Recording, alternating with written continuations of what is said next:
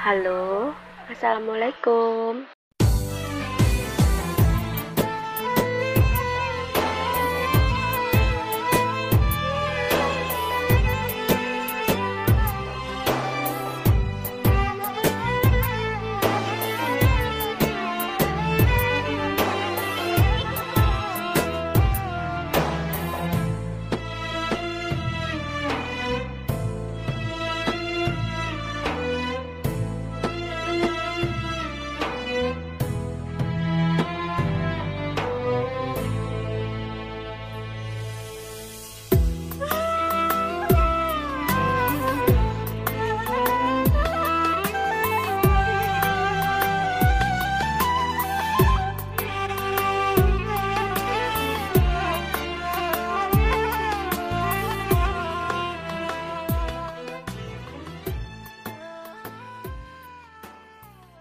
Ngabring, ngabuburit via daring.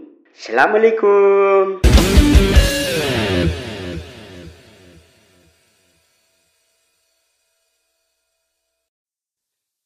Assalamualaikum warahmatullahi wabarakatuh. Kembali lagi di podcast Morat Marit FM di konten ngabuburit daring alias ngabring.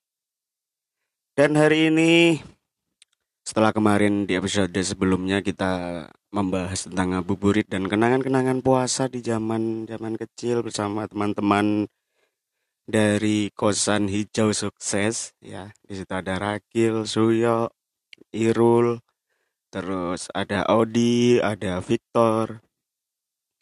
Nah sekarang kembali lagi saya harus menghadirkan podcast ini di episode ini sendirian ya karena hari ini kita harus menjalani puasa dan ngabuburit di tengah-tengah hujan yang sedang mengguyur kota Solo. Jadi kurang lebih ya harusnya bisa keluar ada urusan, ada pekerjaan, tapi ya karena hujan turun otomatis semuanya harus tertunda sebentar sebelum akhirnya bisa dilakukan lagi. Nah, karena hari ini tidak ada bintang tamu, maka saya harus membawakannya secara monolog atau sendirian. Tapi nggak apa-apa, yang penting tetap jalan karena seminggu yang lalu tidak ada episode baru di Ngabring karena ya ternyata ekspektasi itu kadang tidak sesuai dengan realita. Setelah kemarin menggebu-gebu pengen bikin konten full gitu ya. Tapi tidak bisa dong.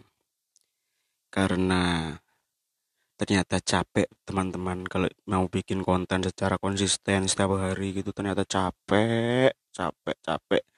Belum lagi urusan-urusan yang lain. Harus ngurus ini ngurus itu. Jadi mau tidak mau uh, harus mengorbankan salah satunya lah kurang lebih. Baiklah.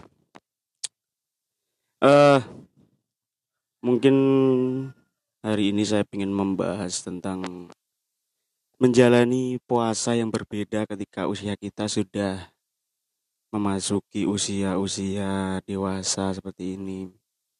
Tahun ini kebetulan usia saya memasuki usia 26 tahun.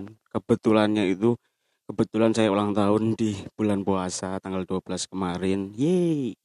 Happy birthday to me. Enggak dong.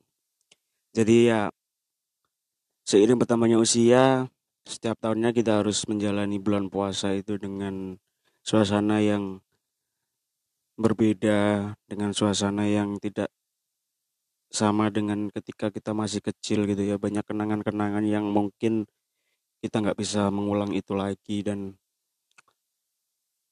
apa ya ternyata menjalani puasa di zaman ketika kita sudah dewasa seperti ini. Itu ternyata beda banget gitu dengan apa yang kita lalui di masa kecil. Kalau di di masa kecil yang dulu itu kita menjalani bulan puasa itu dengan sukacita menyambut dengan gegap gempita. Ketika kita masih sekolah ada program pondok Ramadan di sekolah terus ketika siang kita bisa mokel diam-diam bersama teman-teman gitu kan. Terus pulang dengan acting kelaparan kehausan padahal habis mokel. Itu semua nggak bisa dirasakan gitu sekarang. Sekarang kalau mau mokel ya mokel aja gitu. Tanpa ada rasa apa tanggung jawab ke orang tua kalau kita habis mokel kita harus menutupi itu jangan sampai ketahuan. Tapi kalau sekarang niat nggak puasa pun ya wis mau apa gitu kan. Kalau dulu kan kita masih merasakan takut masih merasakan kalau kita mau mokel tuh mikir-mikir Nah, saiki mokel tinggal mokel, kita nggak punya tanggung jawab sama siapa-siapa kecuali diri kita sendiri dan tentunya dengan yang di atas gitu ya.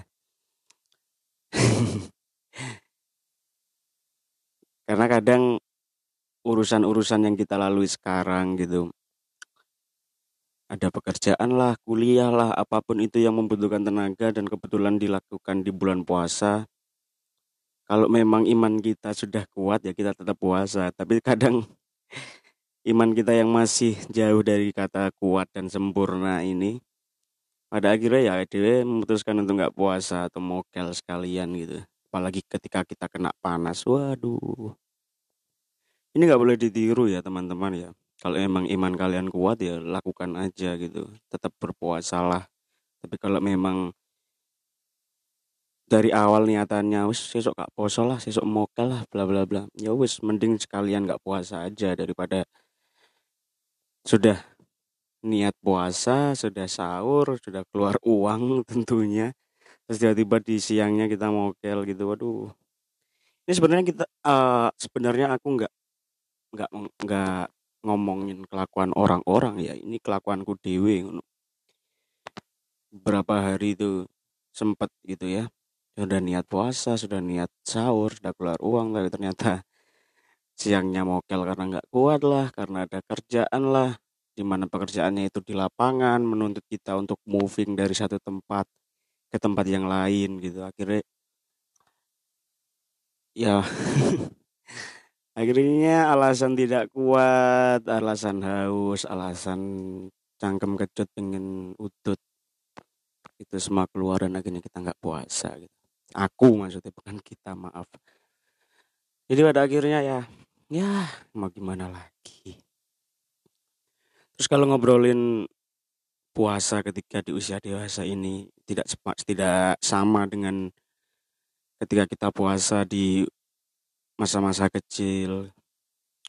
Setidaknya banyak hal lah yang yang kita rasakan gitu. Salah satunya ternyata menjalani puasa jauh dari keluarga, sahur, berbuka, jauh dari keluarga itu ternyata sama sekali tidak menyenangkan gitu ya. Meskipun ya sebenarnya tetap menyenangkan karena kita bisa ketemu dengan teman-teman yang lain, kita bisa bebas mau makan di mana, tapi menurutku tidak ada yang mengalahkan kenikmatan ketika kita bisa berkumpul dengan keluarga di rumah, merasakan buka dan sahur bersama, merasakan momen kita dibangunin orang tua untuk sahur, merasakan momen kita ngumpul di ruang tamu, menunggu azan maghrib bersama-sama sambil nonton TV.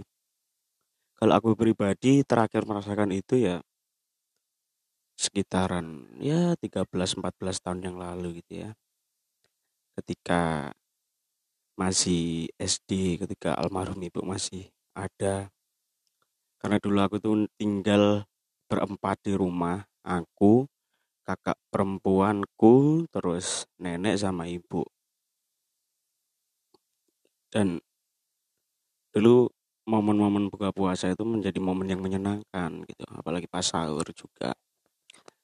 Dengan hiburan yang seadanya waktu itu hiburannya cuma radio kita nunggu azan maghrib bareng kita nunggu waktu sahur bareng karena biasanya ibu itu lembur malam hari karena dulu ibu itu jualan makanan. Apalagi kalau puasa seperti ini biasanya ibu banyak pesanan makanan untuk berbuka puasa.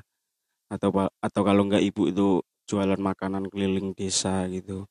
Makanan-makanan mateng kayak sayur asem sayur lodeh dibungkusin kayak gitu. Terus kayak perkedel kayak gitu. Terus keliling biasanya banyak orang yang tetangga-tetangga yang kebetulan lagi nggak masak terus beli. Kayak gitu-gitu tuh udah nggak bisa dirasain sekarang gitu. Karena satu ibu udah nggak ada terus aku terakhir merasakan itu kan sudah lama sekali. Jadi kayak kadang gak relate gitu loh. Dengan keadaan sekarang gitu dengan keadaan keluarga masih utuh ini bukan curhat ya teman-teman ya. Bukan menjual cita sorry. Bukan menjual cerita kesedihan atau apa pun itu. Ini cuma pengen share aja. Bahwa merasakan puasa di usia dewasa itu ya memang menyebalkan tapi mau nggak mau ya kita harus melakukan itu kita harus melewati itu. Karena ya memang fasenya sedang ada di sini jadi tidak usah disesali mari kita jalani saja ini cuma pengen merecall ingatan gitu loh. Ingatan-ingatan ketika Ramadan itu masih merasakan dengan keluarga. Karena kalau dihubungkan dengan sekarang ya memang sudah benar-benar nggak bisa merasakan ya. Kecuali kalau nanti udah menikah dan punya keluarga lagi mungkin bisa merasakan lagi. Tapi kalau sekarang memang sedang ada di fase benar-benar menjalani semuanya sendiri bahkan sampai lebaran nanti pun tetap sendirian gitu karena memang kondisi keluarga sedang tidak baik. Karena keluarga aku tinggal mbakku doang dan mbakku juga punya keluarga dan ya hubungan kita tidak baik-baik banget. Jadi ya daripada menjalani puasa dan lebaran dengan penuh drama pertengkaran dan lain-lain mending menjalaninya di sini aja. Jadi mungkin kalau teman-teman pernah mendengar ceritaku tiga tahun lebaran gak pulang gitu ya memang ini yang terjadi teman-teman. Memang ini yang harus saya rasakan tapi ya ya udah saya nikmatin aja. Yang terpenting tetap bisa merasakan sukacitanya lah. Tetap bisa mendengar takbiran berkumandang tetap bisa mendengar uh, cerita-cerita dari orang-orang tetap bisa mendengar ceramah di masjid tetap bisa melihat momen-momen ketika orang berangkat tarawih berangkat sholat id yang penting bisa merasakan itu alhamdulillah lah daripada sama sekali enggak gitu. Nah kalau mau nge-recap ya dari tahun 2019 sampai sekarang 2022 nggak pulang itu momennya seperti apa mungkin ya bisa bisa kita oh bisa aku sampaikan lah. Yang pertama di tahun 2019 memutuskan untuk tidak pulang pertama kali ketika lebaran waktu itu. Jadi aku di kontrakan lama itu sendirian. Mau sholat itu ternyata kesiangan bangun jam 9 kalau nggak salah waktu itu. Terus kondisinya monot juga sudah pulang ke rumah neneknya di daerah Sukoharjo sana terus akhirnya saya sendirian di kontrakan karena ya saya masih belum merasa belum pantas dan belum siap gitu untuk lebaran bareng dengan keluarganya Monot karena statusnya juga masih belum jelas. Kalau statusku sama Monot sih jelas, cuman kalau sama keluarganya kan masih abu-abu gitu ya. Masih kayak dianggap anak, masih belum jadi bener-bener menantu gitu belum. Makanya aku bilang masih abu-abu bukan karena aku nggak dianggap, justru mereka tuh menganggap aku udah kayak anak kedua lah, kakak Monot lah. Jadi terkadang aku masih sungkan gitu karena aku merasa masih aku itu orang lain belum pantas lah aku bergabung dengan mereka tapi anyway itu yang aku rasakan di tahun 2019 Terus kemudian di tahun 2020 ketika awal pandemi itu aku dan Mono di kontrakan berdua terjebak di sana selama setahun dan akhirnya nggak pulang dan waktu itu juga lebaran di rumah di kontrakan itu terus eh hanya bisa menyapa keluarga dan teman-teman lewat video call, minta maafnya lewat video call. Terus di tahun 2021 aku memutuskan untuk pulang ke Jawa Timur, tapi nggak ke Surabaya. Aku pulang ke rumahnya Tektona di Kediri, tapi sebelum itu aku ke makam ibu yang di Lamongan, nyekar, kirim doa, cuma sehari terus nginep semalam di rumah Tekna, terus akhirnya pulang ke Kediri, terus merasakan momen lebaran di sana, sholat id sama Tektona, dan aku mendapat momen yang luar biasa mengharukan waktu itu. Karena Tektona dan mamanya itu beda keyakinan. Tektona itu muslim sementara mamanya itu Kristen. Tapi aku melihat bahwasanya toleransi antar umat beragama di negeri ini ternyata masih masih kental gitu loh. Masih masih banyak orang yang menjunjung tinggi toleransi terlepas meskipun mereka keluarga ya tapi tetap aku melihat bahwa mamanya Tektona itu sosok yang luar biasa toleran dengan uh, teman-teman yang muslim. Karena waktu itu aku melihat sendiri bagaimana mamanya Tektona membangunkanku dan Tektona untuk menyuruh untuk sholat id terus dikasih uang untuk dikasihkan ke kota amal. Terus setelah sholat tetap bisa merasakan momen maaf-maafan terus dikasih angpau terus yang mengharukan lagi ketika apa namanya ziarah ke makamnya ayahnya Tektona itu merasakan sekali momen haru ketika dua orang anak dan ibu mendoakan almarhum ayah dan suaminya dengan dua cara yang berbeda. Ketika mamanya Tektona itu mendoakan dengan cara cara beliau sebagai seorang Kristen dan Tektona mendoakan dengan caranya sebagai seorang Islam itu aku melihat pemandangan yang luar biasa takjub bahwasanya negeri kita ini masih merupakan negeri Pancasila yang menjunjung tinggi perbedaan gitu.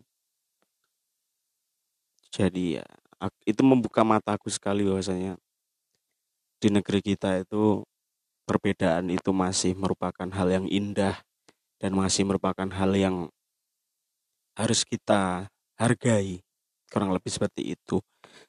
Dan di tahun ini rencananya juga nggak pulang lagi ya nggak tahu sampai tahun keberapa aku nggak pulang. Ya karena kembali lagi kondisi keluarga yang tidak jelas tidak jelas dalam arti ya ya sudah saya jelaskan ya. Nggak perlu tahu kalian. Kalian nggak perlu tahu detailnya seperti apa lah kemungkinan akan stay di kontrakan atau ikut monot ke keluarga neneknya aku nggak tahu seperti apa nanti. Yang jelas uh,